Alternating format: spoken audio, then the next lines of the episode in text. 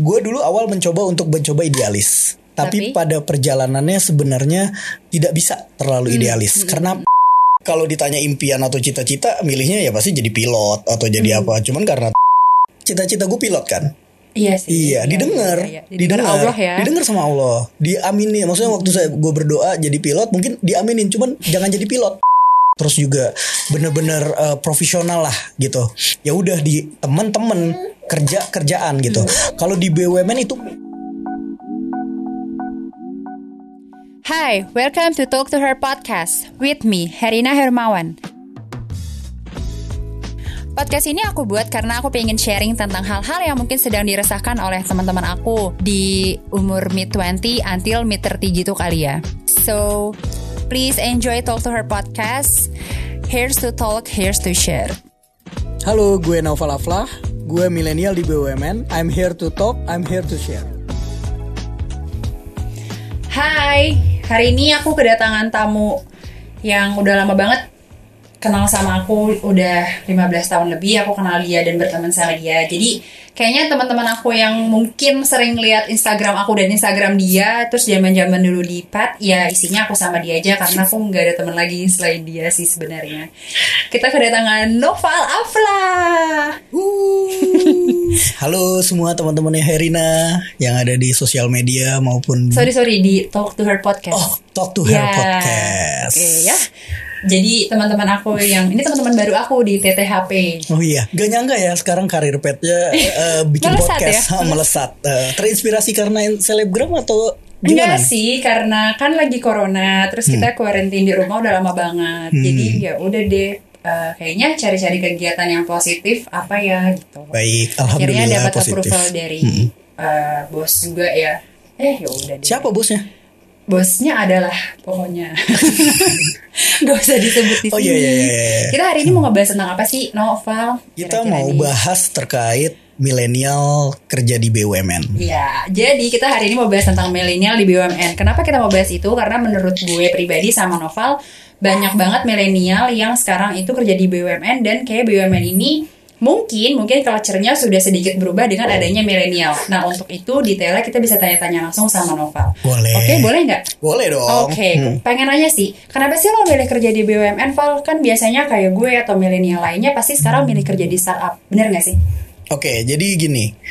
Kalau ditanya milih, kenapa sih milih BUMN? Gue nggak milih BUMN. Hmm. Oke. Sejujurnya gue nggak milih BUMN.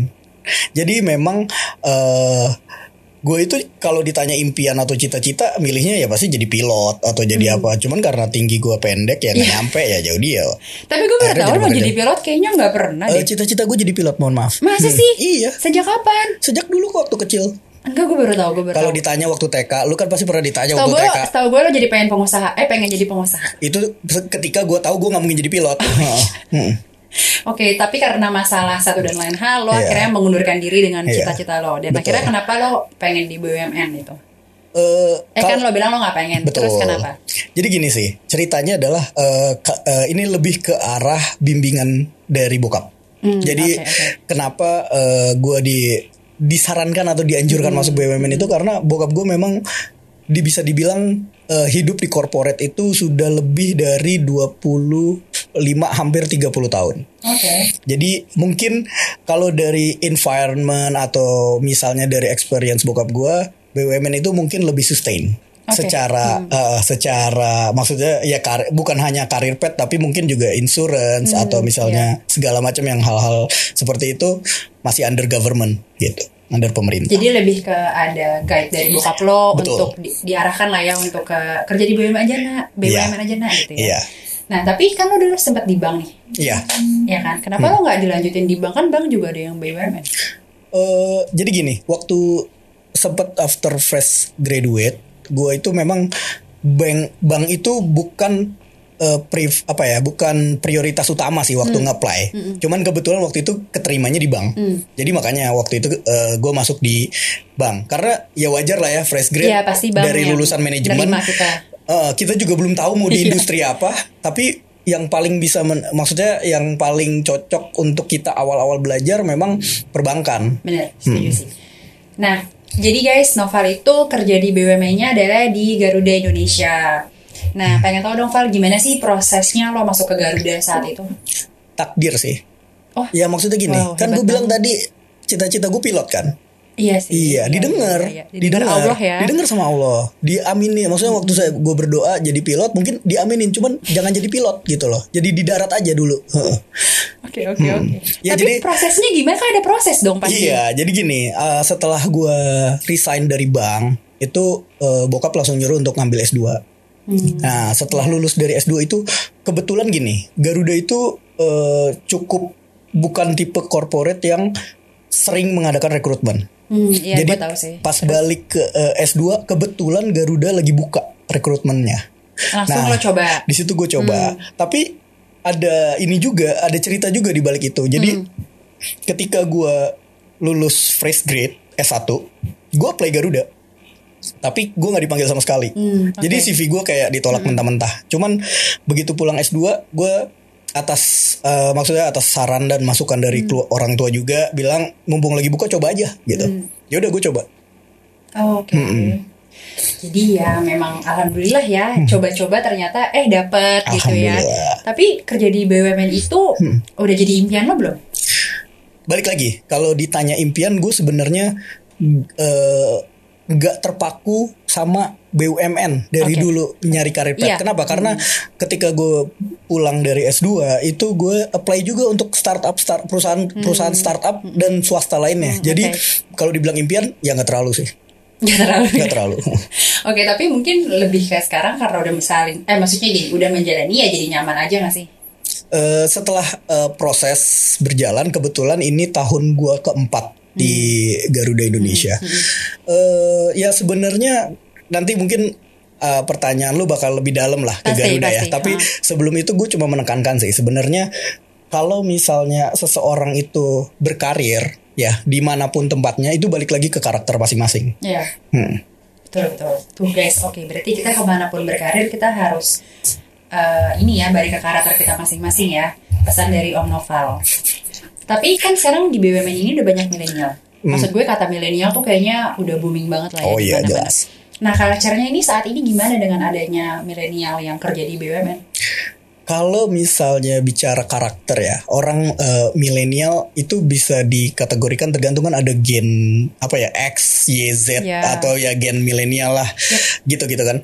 Kadang di BUMN pun umur yang orang yang sudah umur 30 bisa dikatakan milenial gitu. Iya, iya, Mm-mm. betul. Umur yang 30 milenial. Jadi eh, sebenarnya memang karena eh, apa ya environment ya atau misalnya berita-berita yang selalu ngebahas terkait dengan eh, milenial akhirnya dibawa-bawa Yes. ke corporate eh, seperti itu. Jadi sebenarnya nggak ada bedanya, hanya saja ada perubahan behavior di Oh, gitu. uh, perubahan behavior itu dalam artian karakteristik uh, uh, dalam artian kalau kita bisa bilang bahasanya ambi gitu Oh, loh. gitu. Uh, biasanya Oh. terlihat karakter orang-orang yang ambisius, terlihat karakter yang memang uh, terlihat apa ya, pengen masih muda, masuk milenial, habis itu pengen banget ngincer posisi atau enggak misalnya leadershipnya pengen dicoba gitu loh. Mm-mm. Jadi kan sekarang culture-nya bisa dibilang lebih kompetitif ya? Lebih kompetitif. Karyawannya. Betul, itu. Memang tapi kalau dulu tuh sebelum banyak milenial Mm. masuk gitu, Hmm. itu gimana? Maksudnya lebih kayak ya kalem-kalem aja kerjanya atau gimana? Jadi gini, kalau BUMN yang gue lihat itu ada eh, jadi kayak mungkin gue bisa bilangnya sebelum transformasi Yes. sama setelah transformasi ya. Sebelum transformasi itu biasa memang eh, orang bisa bilang kayak oh ini kalau misalnya be- belum umur segini gak boleh boleh, menjabat. iya, betul, Ah, betul. kayak Ah. gitu-gitu loh masih tabu lah untuk anak muda itu memimpin emang dia siap emang dia udah Iya, iya. eh, Pengalamannya matang. udah banyak, Dia- belum? ah, kalau di BUMN itu biasanya tingkat kematangan yang diukur Oh, oke, tingkat oke, kematangan seseorang yang diukur makanya kenapa orang atau misalnya sebelum transformasi BUMN itu orang yang lebih senior itu melihat Hmm. kok umur segini udah bisa sih jadi leader gitu emang dia udah mateng gitu Hmm. tapi itu balik lagi ke pers- persepsi masing-masing sih Oh iya, iya, iya.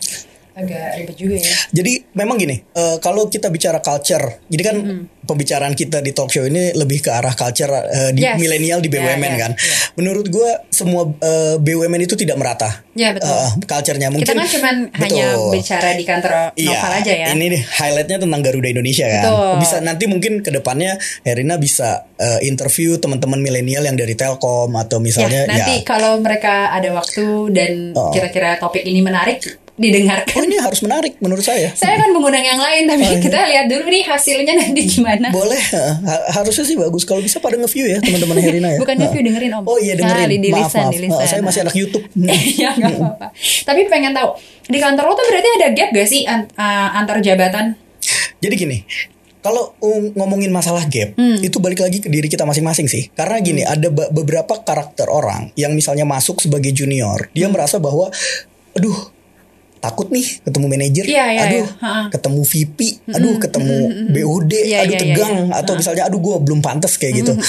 Itu balik lagi gini, di BUMN itu orang itu eh, sudah kayak eh, bahasanya itu udah punya perspe- persepsi. Oke. begitu mereka masuk tuh udah punya persepsi sendiri bahwa kalau gue masih ininya Masih aduh, karyawan lah ya, masih ma- masalah baik eh, apa bahasa baiknya karyawan ya bahasa guys. baiknya karyawan. Oke, lanjut. oke jadi eh, untuk masalah persepsi itu sendiri sebenarnya udah ada dari dari awal biasanya orang Hmm. itu keterima di BUMN. Kenapa gue bisa ngomong gitu? Karena ada referensinya. Beberapa Oke. temen gue itu Hmm. merasa bahwa ketemu atasan, ketemu eh, Hmm. level yang lebih tinggi, mereka tuh minder. Oh iya. Mm-mm.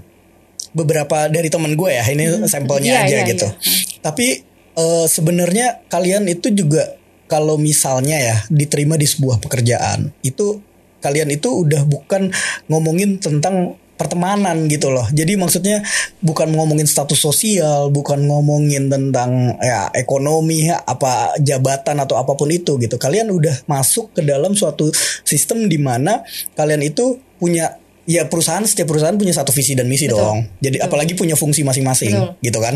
Jadi ya kalian udah terikat di sistem itu seharusnya mau kalian sama atasan, mau kalian sama BOD itu kan un- eh, tujuan atau misinya itu kan satu gitu loh. Gimana caranya untuk perusahaan ini berjalan sustain, profitable dan maju gitu Betul. loh. Hmm. Jadi harusnya kalau gue sendiri pun nggak nggak merasa ada gap antara atasan sama bawahan. Tapi lo pernah nggak kayak ngasih saran ataupun mungkin nasihat kepada teman-teman lo yang merasa adanya gap itu? Pernah. Gue Pernah. gue sering sekali eh, mengingatkan teman-teman gue yang merasa ada gap di situ ya.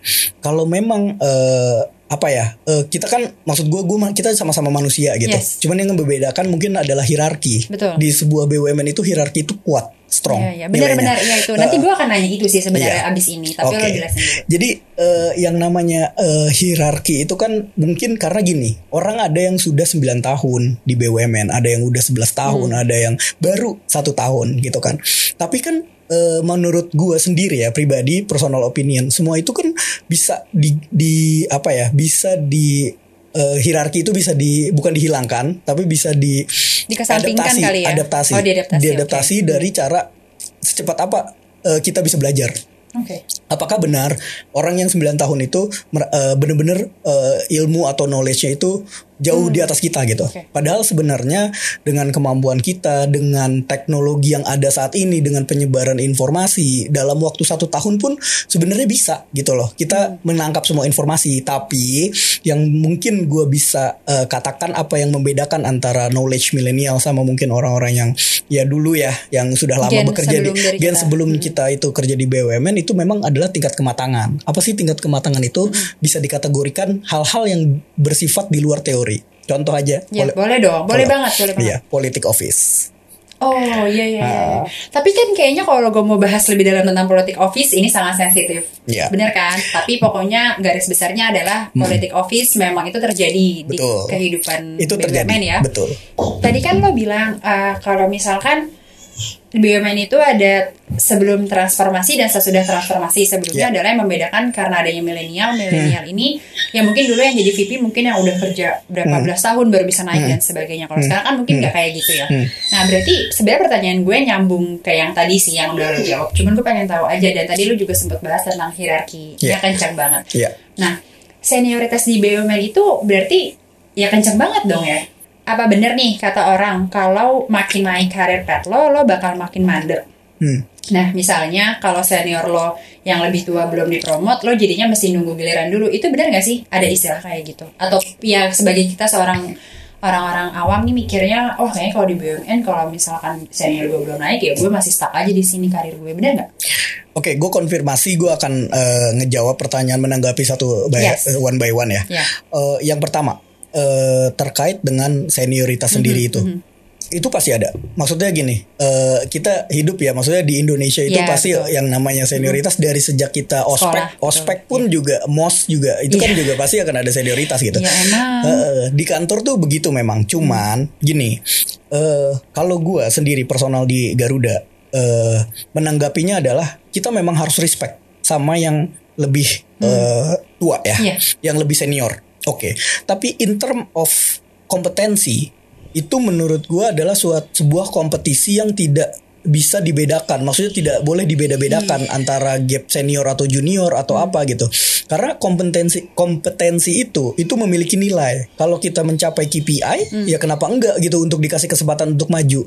Mungkin balik lagi yang tadi gue bilang. Mungkin balik eh, tujuan apa yang tadi pertanyaannya terkait dengan eh, ada nggak sih orang-orang yang misalnya ngantri gitu loh untuk dapetin sebuah posisi karena yang lebih tua eh, Belum dipromot belum gitu. dipromot atau apa. Gue akan jelasin sedikit tentang Garuda Indonesia. Oke. Jadi tadi balik lagi sebelum transformasi dan setelah Mm, transformasi yes. apa sih yang membedakan? Kalau mungkin sebelum transformasi tadi ter- sebelum transformasi gue udah menjelaskan bahwa eh, itu tuh harus berdasarkan kematangan, umur iya. segala macam. Tapi after transformasi kalau teman-teman mungkin yang eh, kalau isu Garuda itu kan nggak pernah ngebahas tentang employee-nya atau Iya. seperti Iya, apa betul, kayak gitu betul. kan. Ha-ha. Gue akan kasih pandangan sedikit tentang employee-nya. Mostly sekarang VP VP Vice President yang ada di Garuda itu umurnya 30 tahun. Oh, Oke. Jadi jadi gue bisa bilang kalau untuk BUMN lain, sorry gue nggak bisa tahu, komen, iya. nah, gue nggak bisa komen. Ada yang harus ngantri atau betul. berkali-kali. Tapi untuk di Garuda Indonesia itu kesempatan terbuka sekali untuk umur-umur kita Iya, yang pokoknya siapa pun yang memang yang memang berkompeten, berkompeten ya nggak itu bisa lah ya. itu itu yang gue definisikan sebagai eh, BUMN setelah transformasi. Bagus ya, berarti lebih terbuka open minded lah orang-orang di sana ya Hmm. Betul. Hmm. sekarang. Enggak kan ya tapi kan ben, ya gue bisa bilang benar ya kalau dulu tuh kayaknya kita nunggu giliran dulu Hmm. Betul. Hmm. tapi kan sekarang makin maju zaman ya semua pasti makin harus Ya. berubah karena kalau nggak kan ya perusahaan bisa stuck juga ya gitu-gitu Iya. aja. Hmm. Nah tapi waktu lo awal masuk di Garuda nih sesuai nggak sih sama bayangan lo Val? Oh Garuda emang misalkan dulu tuh kayak lo ngebayangin kayak gue kerja di Garuda gue bakal gini gini gini gini dan sebagainya. Bener nggak kejadian? Kalau bicara soal Garuda, ternyata ada yang di luar ekspektasi gue. Oke, gue kira oke, itu oke. bahwa setelah masuk Garuda, kayak gue harus menunggu mungkin sekitar 2 4 sampai 5 tahun untuk jadi seorang manajer, Hmm. nunggu 10 tahun untuk jadi senior manager atau bahkan VP tuh kayak ah, lu 15 20 tahun lagi deh gitu. Tapi ternyata enggak. Hmm. Tapi ternyata enggak. Cerita sedikit ya pengalaman di Garuda. Gue masuk itu bukan sebagai MT loh. Ya bukan ya. sebagai manajemen trainee. Gue masuk itu sebagai pegawai kontrak Awalnya waktu ya. tertentu PKWT atau disebut itu. Betul. Waktu eh, setelah satu tahun gue diangkat sebagai pegawai Tetap. eh, tetap. Hmm, Oke. Ah, kemudian setelah setahun sebagai menjadi tetap, gue dipromot sebagai eh, project manager. Oke, setahun lagi setelah jadi project manager, gue dipromot lagi jadi senior manager.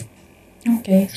Berarti ya karir pet lo bagus juga ya. Maksudnya cepat gitu naiknya. Betul. Dan memang gini, di di perusahaan mana pun, gak hanya BUMN, orang akan tetap meragukan kita gitu loh. Karena kita masih muda ya, Karena pasti. kita dibilang, oh Novel umur 27 udah naik senior manager gitu.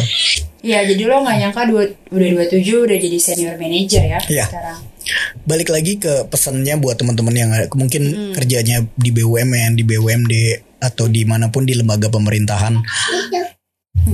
Sebenarnya gini, eh karir itu ya kalau misalnya di era kita sekarang yang bisa dibilang milenial itu lebih ke arah kompetensi gitu.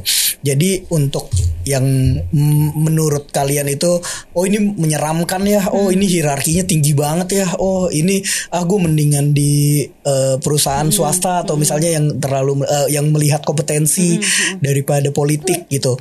Sebenarnya di BUMN tuh juga nggak nggak jauh beda gitu loh. Maksudnya kita tetap akan ada politik office kita juga tapi orang juga tetap akan melihat kompetensi gitu. Jadi bagi gue yang penting cukup kerja menunjukkan hasil habis itu eh ya sedikit memang akan sedikit memang ada politik office karena begini kalau bicara soal politik office kita nggak spesifik ke orang ya Iya. nggak spesifik menempel Iya, ke atasan betul. ya Ha. tapi spesifik melihat peluang atau opportunity gitu loh Oh, Oke oke oke oke oke. jadi contohnya untuk di Garuda Indonesia ini ya, eh, jadi kita bisa ngelihat mana yang komposisi struktur organisasi yang timpang. Hmm, Contohnya misalnya ada beberapa unit yang misalnya orang-orang eh, sorry yang senior seniornya ini eh, sudah mau pensiun gitu loh. Nah kalau misalnya mau pensiun artinya kita bisa ngelihat sendiri kan ke opini apa maksudnya kita bisa melihat bahwa akan ada peluang di situ gitu. Oke. Jadi ketika mereka pensiun, artinya kan eh, berarti ada mungkin posisi-posisi yang kosong. Iya, nah betul. itu kita bisa ngelihat ke situ. Tapi kalau gue boleh pesen juga, eh, jangan jangan pernah ngelihat kotak mana yang kosong di sebuah organisasi. Oh, tapi Lihat self development. gue bisanya di posisi yang mana? gue bisa menyesuaikan di posisi yang mana, gue Oke. bisa belajar gitu. Jadi kalau misalnya buat teman-teman yang masih under 30 di BUMN di BUMD, gak usah takut, tetap untuk eh, percaya akan kemampuan kalian dan juga tol, eh, saran dari gue advice itu adalah kembangin self development kalian. Contohnya apa sih self development gitu kan? Misalnya kalian kerja di suatu bidang, marketing gitu misalnya. Tapi eh, ketika kalian menguasai hal-hal lain atau misalnya prins- ker- eh, pekerjaan yang lain seperti finance atau operation itu kalian bisa manfaatkan karena eh, peluang itu dilihat bukan dari bidang yang kalian kuasain gitu tapi dilihat dari seberapa eh, banyak knowledge atau bidang yang kalian kuasai maupun sebenarnya job desk kalian itu marketing gitu loh Oh iya iya ngerti. Ya intinya nggak apa-apa lah ya kalau kita nambah-nambah eh apa ya kayak keahlian baru gitu. betul Ya kan? Dan gue strongly advise untuk terus menambah Keahlian. keahlian baru dan belajar. Oke. Tuh, ada pesan dari Noval. Jadi kita nggak apa-apa kalau misalkan kita mau mengembangkan diri kita malah bagus. Dan mungkin kalau misalkan ada yang kerja di BUMN atau BUMD justru harus kayak gitu ya biar kita bisa lebih berkembang lagi dan ya itu kalau mungkin kalian eh, merasa wah kayaknya gue cocok di ini nih yang nggak apa-apa justru kalian punya kelebihan lebih baik lagi. Betul. Nah tapi kan berarti dengan da- dari lo cerita lo sekarang udah jadi senior manager dan sebagainya bisa dibilang lo nggak susah dong untuk berbaur dengan para senior bisa dibilang. Jadi gini, balik lagi eh, kita kalau di BUMN itu kendalanya atau misalnya hambatannya apa sih gitu. Kalau ditanya mungkin sama teman-teman yang teman-teman kita yang seumuran dan sudah kerja di startup, mereka itu mungkin lebih eh, terbuka, open minded, open minded akan satu hal, menerima kritik, terus juga bener-bener eh, profesional lah gitu. Ya udah di teman-teman kerja kerjaan gitu. Kalau di BUMN itu mix gitu. Kenapa gue bisa bilang mix? Itu karena eh gue sendiri berusaha idealis, tapi ternyata pada pra- pada implementasinya nggak bisa. Oke, terus Ya, balik lagi. Jadi gini, eh gue dulu awal mencoba untuk mencoba idealis, tapi, Tapi? pada perjalanannya sebenarnya tidak bisa terlalu idealis. Kenapa? Karena eh mungkin bagi teman-teman yang bisa bilang kalau misalnya gini ya, contoh aja ya implementasinya, lo email orang A deh, Iya, gitu, iya. minta tolong kerjaan lo gitu. Kalau di BUMN biasanya kalau lu eh, nggak kenal siapa dia, itu biasanya responsnya lebih slow.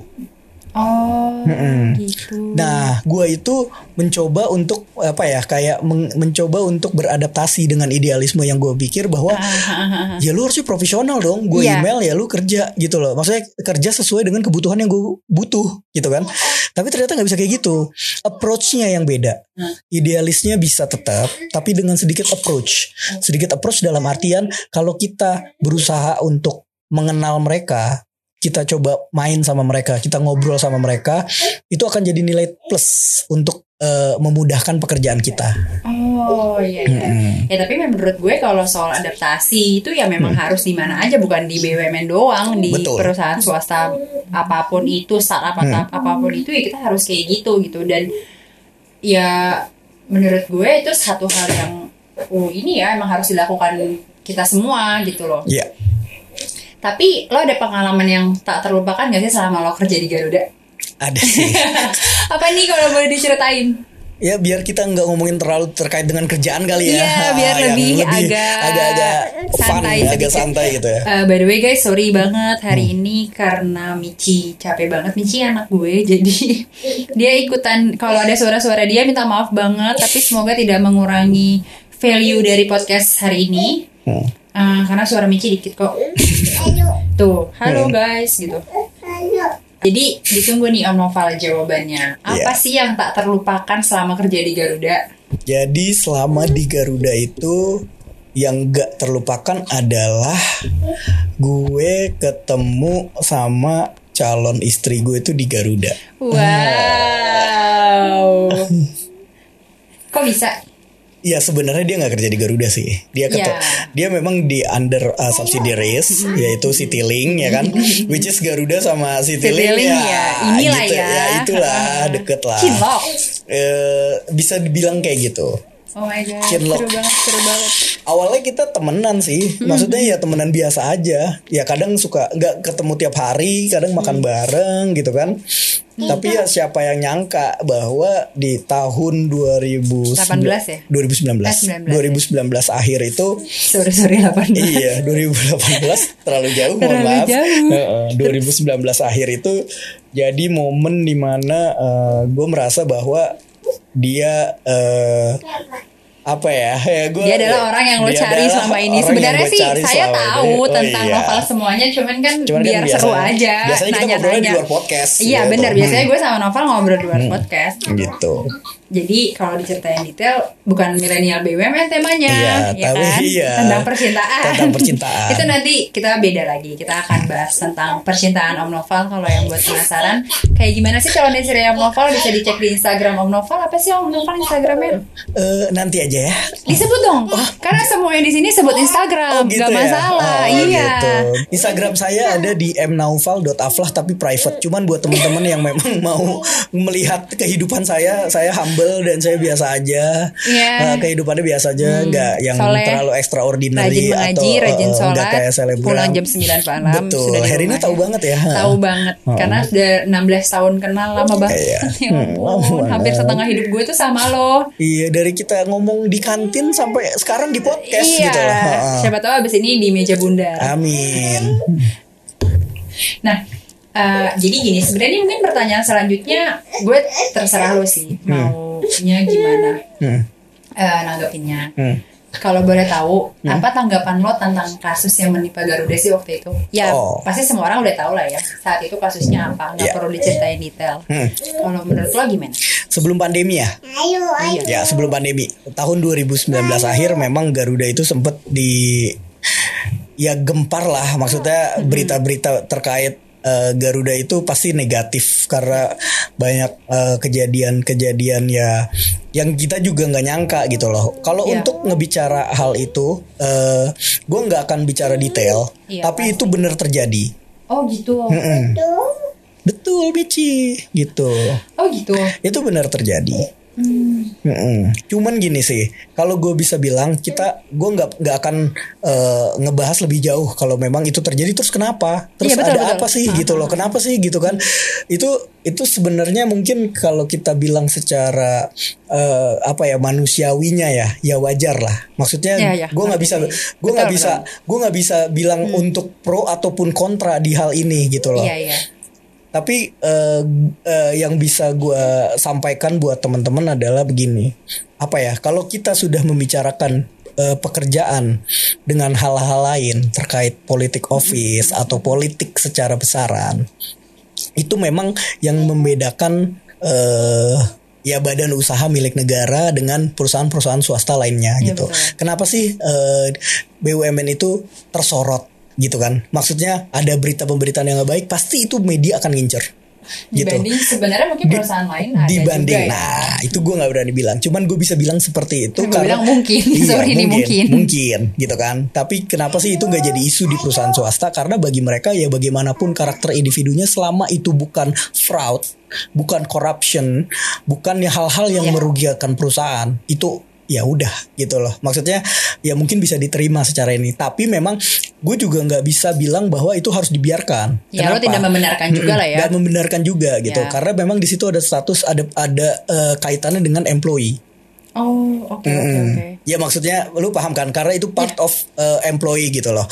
Jadi untuk uh, tapi gue bisa uh, katakan untuk hal-hal itu sudah tidak terjadi lagi di uh, Garuda. Kenapa? Karena kita sudah membenahi dari sisi internal.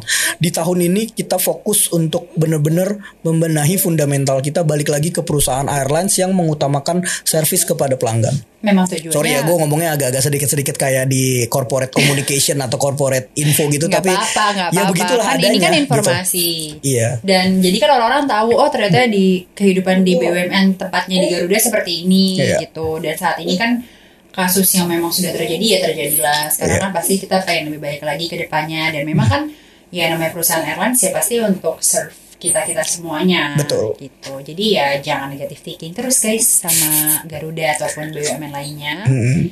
karena ya menurut gue semua masalah pasti di mana-mana ya ada aja cuman kebetulan aja kemarin yang tersorot adalah Garuda Iya. gitu nah tapi gue pengen tahu. Tadi kan lo ngebahas tentang politik kantor nih beberapa kali. Hmm.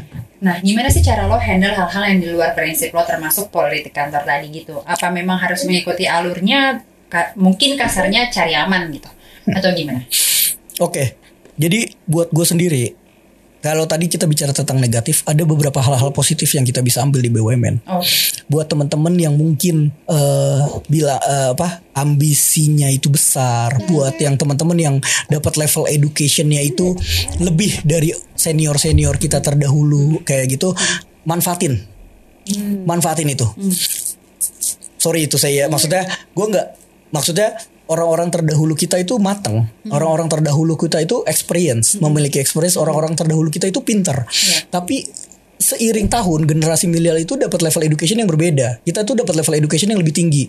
Ya ambil case-nya aja lah bahwa mungkin di antara kita semua itu bahasa Inggris kita lebih dari dari para senior-senior kita terdahulu apalagi yang mungkin Iya, iya. udah tua Betul, gitu kan. betul. Karena memang eh, pandangan gue itu bisa dimanfaatkan gitu loh. Jadi ada BUMN yang sangat eh, kental terhadap maksudnya kayak eh, sorry dah kalau gue bilang bahasa email deh ya Ya. dengan hormat yang terhormat Eh, Iya, iya. sehubungan dengan bla bla bla bla demikian disampaikan terima kasih dan habis itu salam iya kan itu kan template gitu loh. betul, template yang betul. dulu gitu kan Betul.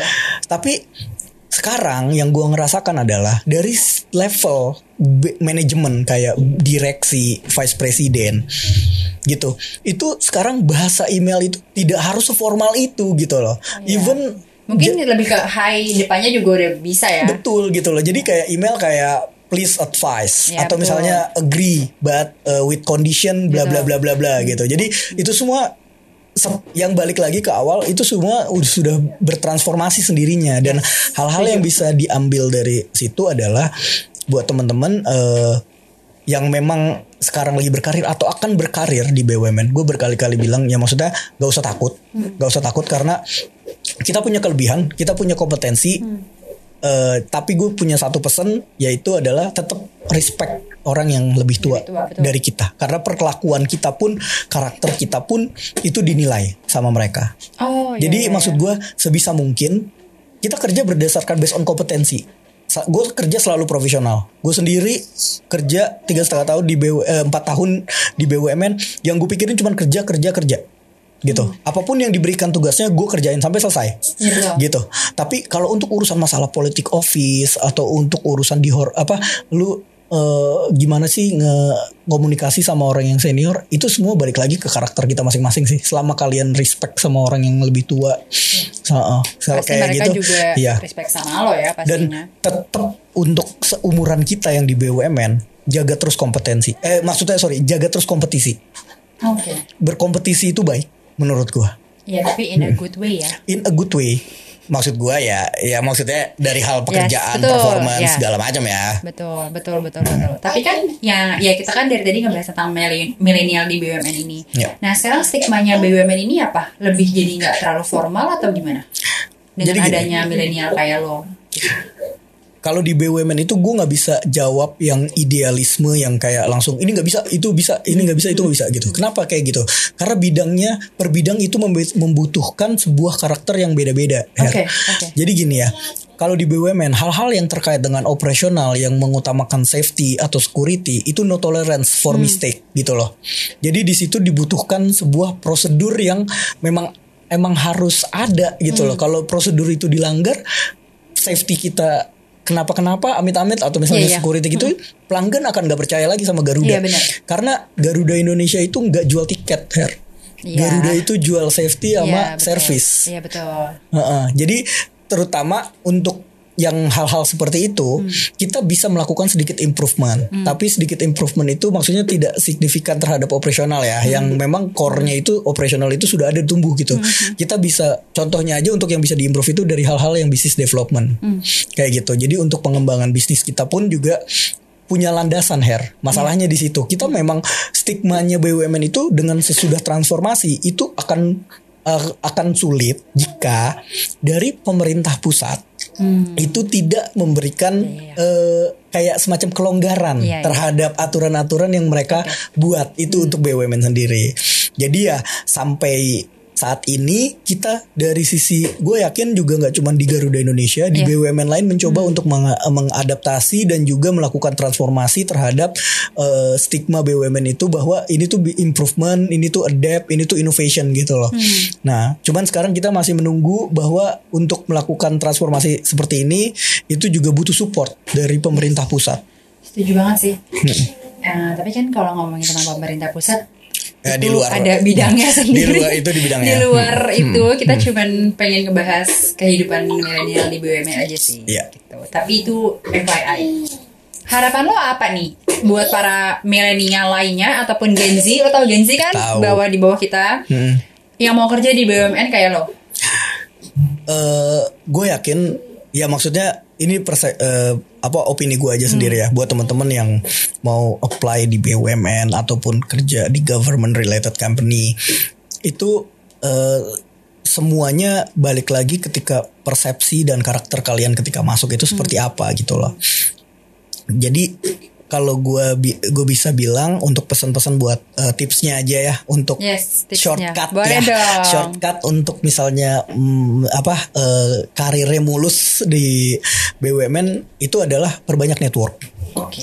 cuma itu menurut gua nggak ada Oh, lagi iya. perbanyak network kenalan sama siapa pun lintas unit lintas divisi bahkan lintas anak perusahaan punya banyak kenalan Tuh, guys, jadi harus punya banyak kenalan kalau kamu mau kerja di BUMN. Hmm. Itu tips dari Noval, dia bilang harus punya banyak teman, eh sorry, ya kenalan dan punya banyak teman. Terus ya udah nggak usah malu Hmm. atau kayak nggak usah ada rasa takut dan sebagainya, santai aja. Tapi ya jangan SKSD juga, ya kan? Tetap apa gak apa-apa SKSD? Eh, sebenarnya gini buat ekstrovert gampang buat ngelakuin itu tapi pertanyaan Iya gue buat introvert gimana Ya, Iya. boleh deh. Gimana? Kalau buat teman-teman yang introvert yang memang kerjanya DM Om Novel aja, DM Novel aja tanya, Novel kalau gue soalnya introvert nih, gimana dong? Lo kasih gue tips. boleh boleh Eh, satu menitnya lima ribu lah. Eh, Tapi gimana? Lo ada tips gak kalau buat orang-orang yang introvert? Kalau buat teman-teman yang introvert nggak apa-apa juga. Kata siapa orang introvert itu Justru da- dari kompet, ah, sorry, da- dari kompeten dirinya gak sih? Iya. Dia nunjukinnya. ya tunjukkan bahwa kalian itu maupun introvert kalian itu punya kompetensi yang bagus gitu loh. Setuju. Kalian punya keinginan untuk belajar hal-hal baru. Kayaknya kalian bisa menunjukkan event itu maksud gue event itu di atas paper gitu loh. Iya. tunjukin aja gitu. Ya mungkin pada prosesnya yang akan kalian eh apa ya, yang akan kalian lalui dan itu mungkin akan terasa berat adalah ketika sudah ngomongin politik office. But still don't give up menurut Ya, gua. Mm-mm. Menurut gua itu cuman one thing yang apa ya, yang kayak ya menurut persepsi kita adalah politik office tuh aduh berat deh kayak gini-gini deh aduh males ah gue di BUMN gitu tapi banyak hal yang bisa kita lakuin uh, untuk improve diri kita Iya pokoknya banyak jalan menuju Roma lah guys. iya Gitu. Tapi gue mau satu pertanyaan sebenarnya terakhir sih. boleh gue pengen tahu lo bakal stay di Garuda terus atau kalau ada kesempatan lain lo coba di perusahaan lain. Oke, to be honest sebenarnya gue nunggu 2 sampai 3 tahun lagi untuk ada di Garuda. Kenapa? Oke, Pertanyaannya. kenapa? Ya. Jadi Garuda itu punya background ada waktu 10 tahun atau 7 sampai 10 tahun gue lupa sorry tidak melakukan rekrutmen Oh. ketika dulu krisis ekonomi cuman gue lupa tahun berapa ya gue nggak mau dibilang sotoy tapi itu yang membuat gapnya itu makin jauh antara Oke, iya, orang iya, sebelumnya benar. sama Ah, yang ini kan gue melihat senior senior gue yang masuk 2-3 tahun di atas gue udah jadi vice president Hmm, so why not gitu gue coba untuk jadi vice president sampai dulu VP lah ya. sampai VP Mm. Semoga Om Novel tercapai semua cita-citanya sampai jadi VP di Garuda Indonesia. Jadi nanti teman-teman Gen Z yang mau ngelamar di Garuda kan Om Novel udah jadi VP atau mungkin SVP ya. Yang pernah dengerin podcast ini langsung oh ini Novel yang dulu pernah di, di Talk to Her podcast. Jadi masih Ya. inget sama Novel Afla. betul Oke Novel thank you banget udah mau mampir sorry ke gue sini. mau nutup satu hal boleh Eh boleh boleh. Iya dia dia banyak quote nih orang. Iya, gue orangnya quotes banget. Jadi buat teman-teman yang merasa tidak good looking, gak usah khawatir ya. Karena kalau gue ini. Kalau itu kerja di agensi kalau ya. iya, gue nggak mengan Garuda atau BUMN lainnya tidak menganut Oke, keadilan oke. sosial bagi rakyat good looking gitu kan. Jadi nggak nggak usah takut untuk yang nggak good looking karena jujur gue sendiri nggak nggak good looking. Iya, nanti Bisa makanya- tanya Herina Instagram gue isinya muka gue kayak gimana. Enggak, Nah, tapi kan pasti udah pada lihat novel kayak gimana sih teman Herina ini ya pasti udah pada tahu siapa novel Afla itu karena memang yang tadi gue bilang dari awal one and only temen gue yang dipercaya sama keluarga gue ya cuma dia. Wow. Wow. Tapi sayang kita tidak berjodoh. Nggak usah. Nah, nggak usah bahas itu ya. Oke, terima kasih usah. semuanya. Thank you, Thank you guys. guys. Bye. Bye.